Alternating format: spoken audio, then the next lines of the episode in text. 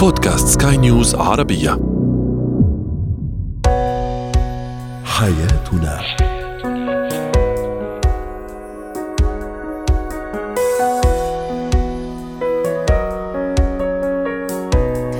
مستمعينا الكرام أهلا بكم معنا إلى حياتنا فضاؤكم اليومي الذي يعنى بشؤون الأسرة وباقي الشؤون الحياتية الأخرى والذي يمكنكم الاستماع اليه عبر منصة سكاي نيوز عربيه dot com slash بودكاست وباقي منصات سكاي نيوز العربية الأخرى. شاركونا عبر رقم الواتساب 00971 561 886223 معي أنا أمال شاب. اليوم نتحدث عن أهمية التعاون بين الزوجين في شهر رمضان المبارك. كثرة التعرق عند الرضيع الأسباب وطرق العلاج أو الحلول وأخيرا الشخصية اللحوحة. متى تنجح في حياتها ومتى تفشل؟ هو وهي.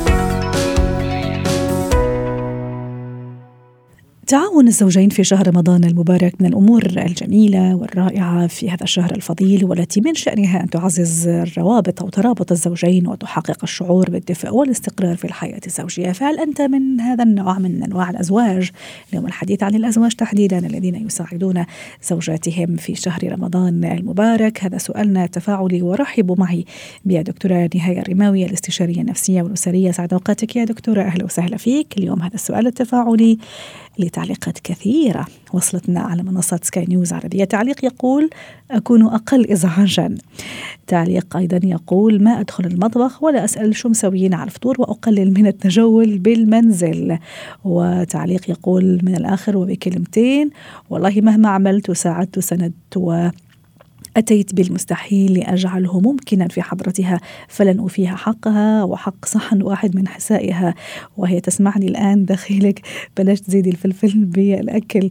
هذا تعليق طريف وجميل يجمع بين الاعتراف من جهة وبين أيضا اللوم البسيط من جهة أخرى. وتعليق أنيس يقول أكيد أكل من طبخة وأشكرها وأدعو لها بالقبول والطاعات. وتعليق يقول لا أنا لا أدخل المطبخ أبدا ولا أساعد. الزوجة أيضا في تعليق يقول نعم أنا لست متزوج لكن أساعد والدتي. الله يحفظها لك دكتورة نهاية أهلا وسهلا فيك معنا ممكن من الوهلة الأولى يبدو الموضوع عادي بسيط لكن إذا ما حاولنا فعلا نقلب زواياه أبعاد وخاصة النفسية كيف تأثر يأثر التعاون وأهمية التعاون على الاستقرار في الحياة الزوجية تحديدا في هذا الشهر الفضيل؟ اللي حضرتك بتعرفي تكثر فيها العزايم الولائم يعني الدعوات يعني عنده خصوصيته في الحقيقة شهر رمضان المبارك. شو أهمية التعاون بين الزوجين؟ والحديث اليوم عن الزوج تحديدا. أسعد الله مساءكم بالخير أولا. آه هلأ بنعرف إنه إحنا بشهر رمضان يعني تغير الطقوس العادات الروتين اليومي. آه فبتكثر فيه طبعا أعباء ومسؤوليات الزوجة وخاصة إنه بيجتمعوا دائما على آه مائدة الإفطار ويمكن يكون زي ما حكيتي في ولائم وفي عزائم بتكون موجودة في آه هذا الشهر الفضيل.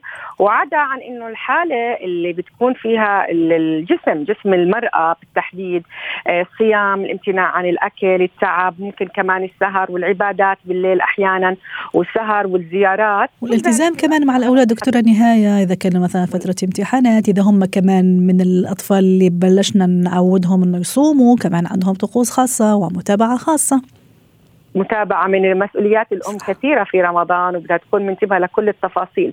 فهذا الشيء يزيد من يعني أنه أحيانا تعبها الجسدي وتعبها النفسي إذا لم يكن هناك من يساند هذه المرأة أو هذه الزوجة.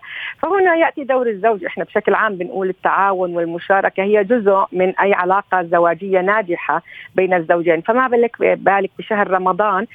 خاصة أنه هذا شهر الطاعات شهر الامتنان شهر المحبة اللي بيظهر الواحد محبته فيها بي يعني بزيادة غير عن بقية السنة، فإذا كان الزوج متعاون بيأثر جدا على إنه يعطي طاقة لهذه الزوجة. ممكن حتى في عددها زي التعليق اللي كان بين إيدينا والفلفل الأسود. يمكن حتى أكلها بيكون أذكى، سفرتها بتكون معمولة بحب يعني صنعت بحب، فكل هذه الأمور لإنه نفسية الزوجة تنعكس على كل شيء على علاقتها بأبنائها على علاقتها بأهلها أهل زوجها أصدقائها. وطبعا والأهم هو علاقتها بزوجها. فإذا كان هذا الزوج متعاون يعني بفكر إنه إحنا روحنا من الشغل خاصة إذا كانت المرأة عاملة أيضا. إذا مثلا بيروحوا اثنين مثلا وبيحين موعد إعداد الإفطار يعني الاثنين يتوزعوا بطريقة التعاون وليس الأمر والفرض آه، أكيد هذا الحكي راح يعمل أجواء عائلية تعود عليهما بالدفء وبالراحة وأيضا على الأبناء.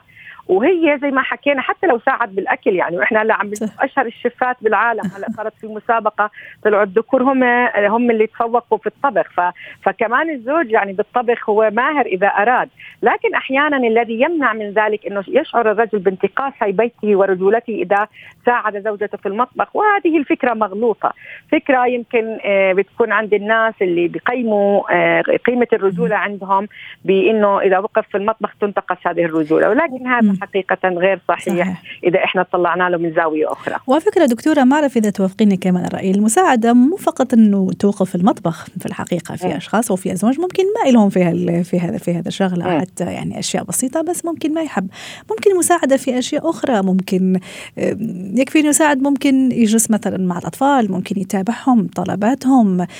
في تعليق عجبني كثير يقول لك أنا ما أصلا ما أدخل المطبخ ولا أسأل شو مسوين على الفطور وأقلل من التجول بالمنزل. عرفتي؟ هذه كمان هذا خير اللي بيعمله أصلا. يعني أحسن خير بيعمله عشان ما يعجق مضبوط يعني هو حس بحاله إنه في رمضان شوية يعني يزيد فيها حبتين فقرر إنه ها يعني هذا شكل من أشكال المساعدة وكتر خيره آه. يعني. طبعا هو ممنع مرات إنه التدخل في شؤونها هو ما يعني مساعدة. مضبوط زي ما حكيتي امال هلأ بالنسبة لتوزيع المهمات مثلا بتكون إذا كان في أشياء لا يتقنها أو لا غير متعود عليها ممكن يساعدها بأشياء أخرى. زي ما حكيتي الاهتمام بالأطفال آه، ترتيب مثلا أمور البيت الداخلية مثل شراء الأغراض والحاجات المهمة. صح. وأيضا إنه التخفيف من الطلبات للرجل لزوجته هو أيضا جزء من المساعدة. يعني خاصة إنه الرجل يمكن في بعض الرجال الرجال وفي مجتمعنا يمكن العربي بالدرجة الأولى. يعتبر إنه المرأة هي ستحقق له احلامه خاصه لما يكون يشعر بالجوع أو بيشتهي وآخر شيء ما يأكل ولا شيء على فكرة ها؟ آه طبعا الصائم يعني. هذا حال الصائم. فهو بيطلب وهي بتكون خاصة إذا كانت بدها ترضيه أو بتحبه أو بتعتبر إنه هذا جزء من أدوارها المهمة فأكيد هي بيكون بزيد العبء عليها.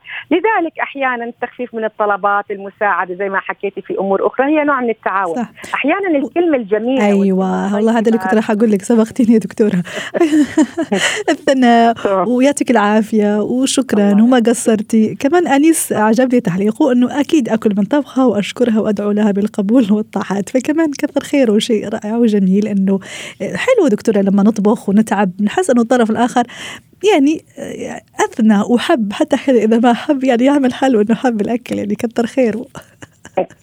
طبعا أكيد. يعني دائما خاصه لكن لا يكون فيها نوع من المجاملة لأنه هي تشعر خاصة إذا كانت ما يعني كانت الأكل على المائدة وما يعني ما ما أكلوا منه بدرجة كافية فراح تعرف إنه هو عم بيجامل. فدائما الكلام يكون حقيقي. وأهم شيء أهم شيء دائما في أي علاقة سواء كانت في علاقاتنا الأسرية أو علاقاتنا الأخرى الامتنان صح. هو جزء كبير من من من بناء العلاقات بطريقة متينة.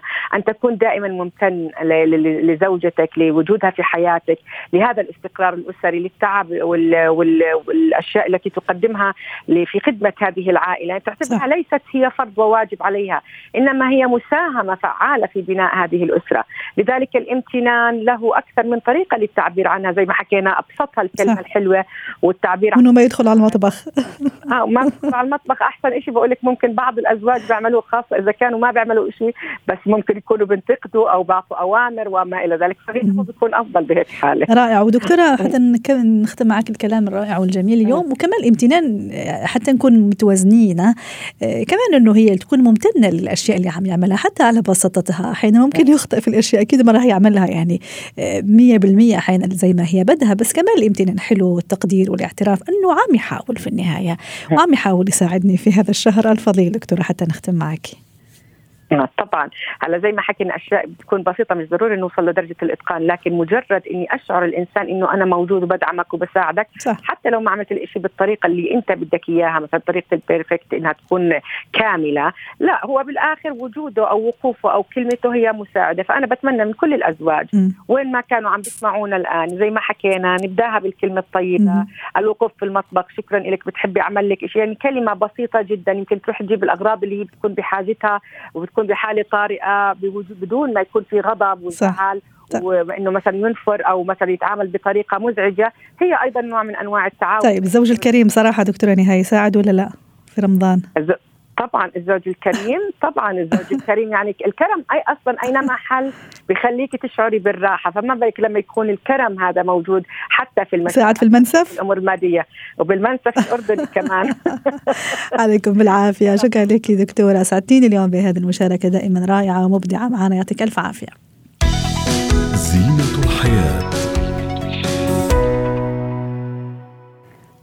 اليوم نتحدث عن التعرق أو كثرة التعرق عند الرضيع. رحبوا معي بالدكتور سامح عبد العظيم اختصاصي طب الأطفال يسعد أوقاتك دكتور سامح.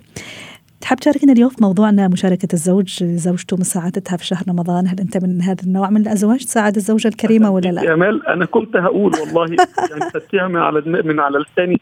والله امال أنا أولا طبعا بحيي الدكتور على الكلام الجميل اللي قالته بس أنا بطلب بالمساواة زي ما بتستضيفوا سيدات للكلام عن الحياة الزوجية. تستضيفوا رجال إحنا والله بنشارك وبن وبنشارك في والله بنجيب رجال يا دكتور. أنا دائما آخذ صفكم. يعني حرام عليك. يا مشاركة.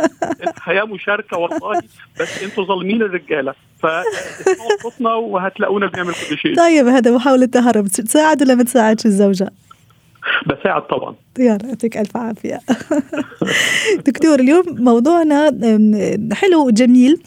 ممكن يحدث كثير عند عند الرضع اللي هو كثرة التعرق. ما هي أسباب كثره التعرق عند الرضيع؟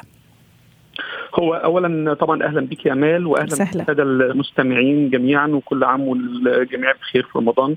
طبعا إحنا داخلين على فصل الصيف ويمكن دي شكوى رئيسية وشكوى دايما الام تشتكيها بما إننا هنتكلم عن الرضع مش عن الأطفال بشكل عام الرضع لهم وضع خاص ومختلف تماما. اولا آه، فعلا الام بتيجي تشتكي دايما يا دكتور أنا بلاقي راس طفلي مبلوله خالص أو بلاقي إن المخدة عليها عرق شديد وبتبقى جاية قلقانة جدا. اولا إحنا بنطمن الأمهات إن التعرق ده عبارة عن ظاهرة طبيعية في الجسم الجسم بيعملها عشان تنظيم درجة الحرارة وبيتم إفراز العرق ده عن طريق الغدد العرقية اللي موجودة في الجسم ومنتشرة في الجسم كله. الحقيقة إن الرضيع بيكون في بداية عمره لسه الغدد العرقيه دي آه، آه، ما نمتش بالشكل الكافي ولسه ما فيش نضوج فده بيؤدي إلى اضطراب في تنظيم درجة حرارة الجسم الأمر اللي بيؤدي إلى زيادة التعرق أو إفراز العرق بشكل كبير. طيب إيه أسباب التعرق؟ إيه الأسباب اللي تخلي طفل يتعرق بشكل كبير؟ اولا آه، اثناء الرضاعة الطفل بيعمل مجهود ده يخلي الجسم يتعرق. آه احتكاك الرضيع بجسم الأم أثناء الرضاعة ده يزود آه التعرق. آه الأم أحيانا بتبقى خايفة على الطفل فبتبقى لفة الطفل باكثر من طبقة من الملابس. ده يزود التعرق. استخدام الملابس الغير قطنية اللي هي البوليستر ده بيحتجز درجة الحرارة ويزود التعرق. درجة حرارة الغرفة نفسها وعدم آه، آه، وجود آه، هواء متجدد في الغرفة ده يزود التعرق. دي يمكن الأسباب الطبيعية اللي موجودة في كل الأطفال اللي تزود التعرق. البكاء الشديد كمان صح. ده يزود صح. التعرق. فالحقيقة دي كانت الأسباب الطبيعية. عندنا طبعا أسباب مرضية ممكن تسبب التعرق واللي أي مرض أو أي مشكلة تخلي الطفل أو الرضيع يبذل مجهود زايد ده بيخلي الجسم يفرز يفرز العرق بشكل زايد. زي مشاكل انقطاع النفس أثناء النوم آه زي العدوى والحمى أي إصابات بكتيرية أو فيروسية بتسبب ارتفاع درجة حرارة الطفل ده تؤدي إلى زيادة التعرق مشاكل الغدد الدرقية مشاكل أمراض القلب الربو في عوامل وراثية. فالحقيقة إن أسباب التعرق أمال كثيره جدا زي ما أنا سردتها بالشكل ده. رائع. طيب دكتور متى أستشير الطبيب طبيب الابني الطبيب الدكتور بشأن مسألة التعرق. متى يعني الموضوع يكون؟ زي ما أشرت حضرتك الآن في الجزء الثاني أنه فعلا لازم آه، يعني أدق ناقوس الخطر. وقبل هذا كمان كيف أتصرف بالنسبة للأشياء البسيطة؟ خلينا نبتدي أنا دخلت سؤالين في سؤال واحد. كيف أبتدي بالأشياء الطبيعية اللي حضرتك ذكرتها؟ الملابس الكثيرة الغرفة ممكن البكاء الحركة الزايدة. كيف أتصرف في الحالة الطبيعية ثم الحالة الأكثر تعقيدا؟ ممتاز. الأم لازم تفرق. اولا التعرق الطبيعي بيكون له سبب واضح. يعني آه اللي هو ظروف جوية معينة درجة حرارة مرتفعة الطفل عنده مشكلة في حاجة الأم لاحظتها آه غيرت الجو أو غيرت الحاجات اللي إحنا قلناها والطفل ما زال يتعرق. لكن التعرق في عدم وجود سبب واضح له هو مشكلة مرضية تستدعي الذهاب للطبيب. التعرق مع وجود ارتفاع في درجة الحرارة مشاكل في الجلد والزرقة مشاكل جلدية معينة آه، مشاكل في الرضاعة كل دي أسباب تقلق الأم وتخليها تروح للطبيب. الطفل بيتعرض في جو بارد يعني جو عادي والطفل لابس ملابس خفيفة ومع ذلك بيتعرق. ده دي مؤشر يخلي الأم لازم تروح للطبيب. طيب إحنا زي ما انت السؤال اللي هو المركز الوقاية إزاي الأم تقلل عملية التعرق عند الطفل؟ اولا بتبتدي واحد من أول خطوة الملابس بتاع الطفل لازم الملابس تكون مناسبة ما تكونش أكتر من طبقة. لازم الملابس تكون قطنية لأن القطن بيمتص درجة بيمتص العرق بيقلل إفرازه. آه الأم لازم تستخدم فوط ناعمة تمسح بيها جلد الطفل علشان تمسح العرق ده وتقلل تراكمه على الجلد.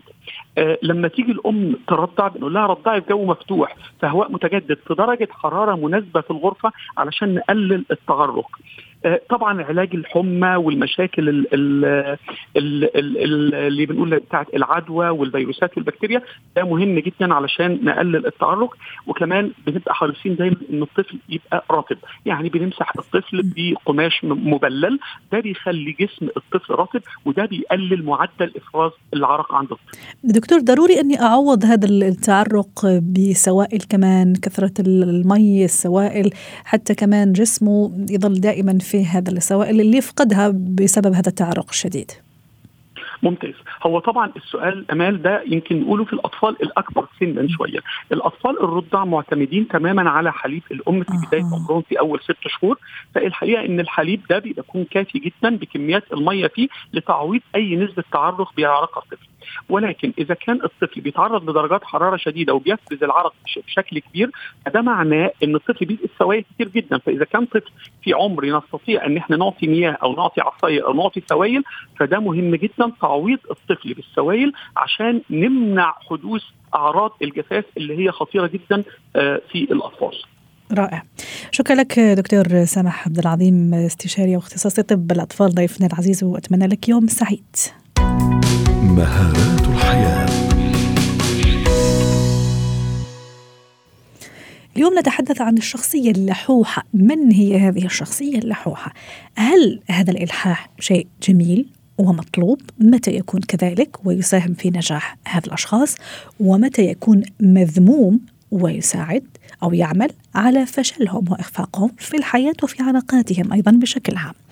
رحبوا معي بنور هشام مدربة مهارات مهارات حياة. يسعد أوقاتك أستاذة نور. أهلا وسهلا فيك. اليوم نتحدث عن نمط معين من الشخصيات اللي هو الشخص اللحوح. متى أقول عن فلان أنه لحوح؟ أهلا وسهلا فيك وجميع المستمعين. سهلا الشخص اللحوح اللي هو بمصطلحنا العام خلينا نقول هو الشخص اللي إحنا بنسميه شخص الزنان اللي ظل يزن اللي هو الشخص اللي لما يكون في عنده طلب معين بضله يكرر يكرر يكرر في هذا الطلب. واللي بيفرقه إنه في حال أنت ما عملت الطلب اللي هو ضل يكرر فيه راح يصدر عنه آه، آه، فعل سلبي تجاهك. ممكن يكون بغضب ممكن يكون إنه ما يرجع يحكي معك. يعني بيكون في نتيجته أمر سلبي. هلا حضرتك ذكرتي إنه متى بيكون محمود؟ متى بيكون آه، الإلحاح هذا مذموم إنه بدنا نفرق بين الإلحاح أو الشيء الجيد منه إحنا ممكن نستبدل بمصطلح المتابعه أو الإصرار. هو أو no? الإصرار مثلا. أو إنه أنا لما أكون في مكان عمل أو في البيت أو عندي أمر معين آه عم ننجزه لحتى نحقق هدف معين فأنا عم بتابع هذا الموضوع مش عم بزن على الأشخاص اللي عم بيعملوا هذا الموضوع. بطريقه تخليهم هم أساسا يعني خلينا نقول يكرهوا إنهم عم يعملوا هاي المهمة. لأنه فعليا أنت لما بضلك يعني تطلب تطلب تطلب وما تعطي شخص مساحة من الوقت إنه ينجز الامر اللي أنت طلبته منه في حال كان الأمر اللي أنت طلبته أساسا. لأنه الشخص الآخر مطالب إنه يعمله. فبالتالي أنت مجرد عم بتضيع وقتك وقت الأشخاص اللي حواليك وعم بتنفرهم. منك. والمشكلة الأكبر إنه لو كان هذا الشخص اللي هو مدير في العمل أو مدير مدير قسم يعني شخص مسؤول خلينا نقول عن أشخاص تحته بفريق عمل أو يكون حتى في المنزل. فبتلاقي الأشخاص اللي تحته دائما عندهم نفور منه لأنه هو فقط بيطلب بدون ما يتابع. يعني هو بيطلب ما بيعرف هم لوين وصلوا في, في الإنجاز أو في الطلب اللي هو طلبه هو بيطلب لمجرد الطلب. ففعليا لو بدي أفرق مثل ما قلنا بيكون إما أنا إصرار أو عم بتابع موضوع معين فهذا أمر جيد. بكون متابعة ضمن خطة ضمن استراتيجية معينة ضمن اتفاق بين الطرفين لو كانوا هم في خارج العمل. أما موضوع اللي هو الإلحاح فهو في الغالبيه عادة بيكون مذموم وبنفر الأشخاص آه، منا. آه، نور وأنا مثلا عندي هذا هذا السلوك أو هذا الصفة للإلحاح. معقولة أنا ما أكون حاسة بهالموضوع؟ أنا بالنسبة لي زي ما تفضلتي يمكن أنا إصرار مني متابعة حرص لأني حريصة لأني بحب أتابع لكن لا تيجي مثلا نور تقولي لا أمال أنت كتير لحوحة يعني. قصدي شو الحدود يعني؟ هل أنا بكون عارفة هذا الشخص اللحوح هذا الصفة الموجودة فيه أنه عم يزعج الناس ولا لا؟ هلا أنا لو لو لو أنا الشخص اللحوح الشخص اللحوح نفسه ممكن يكون مش عارف يكون حاسس انه هو عم عم فعلا عم بيضايق الناس اللي حواليه. آه متى بيكون هو فعلا مزعج؟ زي ما قلت لما بيضلوا يكرر يكرر يكرر بفترات جدا متقاربة ما بيعطيك وقت أساسا أنت تفكر بطلبه. والشيء الثاني لو ما عملت الطلب هو رح يغضب. إيه، قصدي أنا أنا كيف أنتبه لنفسي؟ نور يعني أعطيني كيف إذا أنا عندي هذا هذا الصفه ومش منتبهة كيف أنتبه لها؟ الاقي أغلب الناس اللي حوالي عم تبعد مني. لما آجي أطلب الطلب بعد أكثر من عدد مرات معين الناس رح تبطل. لو أنا مثلا بتصل أو ببعث إيميل الناس رح تبطل ترد علي. ما في استجابة من من الناس الآخرين. وراح راح أجد إنه الطلبات اللي عم عم بطلبها ما عم تتحقق. يعني ممكن أولها لو الناس ما شايفيني معقول أوكي بس بعدين أي طلب أنا بطلبه رح ألاقي رفض تام من كل الناس آه، اللي حوالي. وبعض الأشخاص ممكن يعصبوا علي يعني يمكن هم أساسا يصير في نوع من التاتش أو إنه يعني سلوك سلبي تجاهي. فالعلامة الأكبر هي نفور الأشخاص غالبا من حوالي وعدم تحقيق أي مطلب من المطالب اللي أنا آه، آه، بطلبها. هلأ هذا الموضوع عادة ليه أنا ما بحس فيه؟ لأنه لو بدنا نرجع لأصله هو في الع... غالبا بيكون أصلا من التربية. بتلاقي الطفل المدلل عادة هو اللي دائما عنده هذا النوع من الإلحاح. أه. لأنه لما كان طفل هو أي طلب بيطلبه آه، هو مجاب في بعض بعض سلوك التربية اللي ما بيكون فعلا آه، سلوك صحيح. أي طلب يطلبه هو بجاب ولو ما تلاقي طفل إذا هذا اللحوح أو المدلل اللي طلبه هذا ما ما انعمل من الوالدين فهو بيصير عنده نوبات من الغضب والبكاء فعشان يتخ... ويعرف إنه هذا الطريقة يعني تجيب نتيجة البكاء والهستيريا. فبينسى إنه هو متعود إنه أنا طلباتي مجابة بغض النظر عن كيف بطلبها. نور الآن نعكس الموضوع. إذا أنا أمام شخصية لحوحة مش أنا اللحوحة أنا أمام شخصية لحوحة. كيف أتصرف كيف أتعامل من غير ما أجرحها أحيانا من غير ما يعني بطريقة لطيفة جميلة أفهمها أو أفهمه أنه ترى أنت أو أنت شخصية لحوحة وهذا الشيء مزعج وأنا أعرف مش المفروض اللي أعمله فمن غير ما تلح أو تلحين. دائما مثل ما بنقول التواصل مع هذا الشخص. أفهم هذا الشخص إنه أنت أعطيتني مثلا أو طلبت مني هذا الطلب أنا محتاج هذا الوقت إني أفكر فيه فأعطيه time timeline اعطيه وقت أنا محتاجه. بمعنى مثلا راح أرد عليك بعد ثلاث أيام أو بعد يومين مثلا. المثال. بالضبط. أو لو طلب مني طلب معين أو project معين أنا راح أسلمه خلال هاي الأيام. لو مثلا بعد الأيام هو فعلا سألني عليه وقتها بيكون معه حق. آه النقطة الثانية اللي هي آه، أقول له الأوقات اللي يتواصل فيها معي لأنه بتلاقي الشخص اللي حيروح بيتواصل بجميع الأوقات ما عنده limit معين. فأضع له حدود أقول له أنت ممكن تتواصل معي بخصوص هذا الأمر في هاي الساعات من اليوم أو في هذا الوقت من اليوم أنا بكون متفرغ لهذا الموضوع. الشيء الثاني اللي أنا لو حابب هذا الشخص فعلا بيهمني وأنا حابب أساعده يتخلص من هاي العادة آه، أقول له شو رأيك نحسب مع بعض أنت قد إيه بتطلب مني هذا الطلب خلال هاي الفترة؟ اللي هي الكانات مجلة الكانات مانجر يقيس الموضوع عنده عشان يقدر يعمل عليه control اساعده يقيس الموضوع. فأقول له خلال يوم معين أنت طلبت مني هذا الطلب خلينا نقول أربع أو خمس مرات خلال عدد هل هذا منطق؟ هل هذا معقول؟ هل أنت شايفه آه، آه، تتقبل لو حدا عمل فيك هذا هذا الشيء؟ فأساعده لو أنا شخص بيهمني لو مثلا لو أطراف في البيت لو أنا حابب إنه اساعدهم يتخلصوا من هاي الموضوع أقعد معه ونحسب معاه كم هو هو بيطلب. خلال الأسبوع الأول الثاني الطلب الأول الثاني. وبساعده على إنه يحل المشكلة اللي أو العادة هاي اللي هو آه، فيها. جميل. بالضبط. آه شكرا لك نور هشام مدربة مهارات حياة. وطبعا يبقى الحوار أسلوب جميل وفعال للتعامل مع هذا النوع من الشخصية الشخصيات اللحوحة. وحين يكون الجانب الإيجابي نحاول نستفيد منه والجانب السلبي أكيد نحاول نتفادى شكرا لك نور هشام مدربة مهارات حياة ضيفة العزيزة من دبي. حياتنا.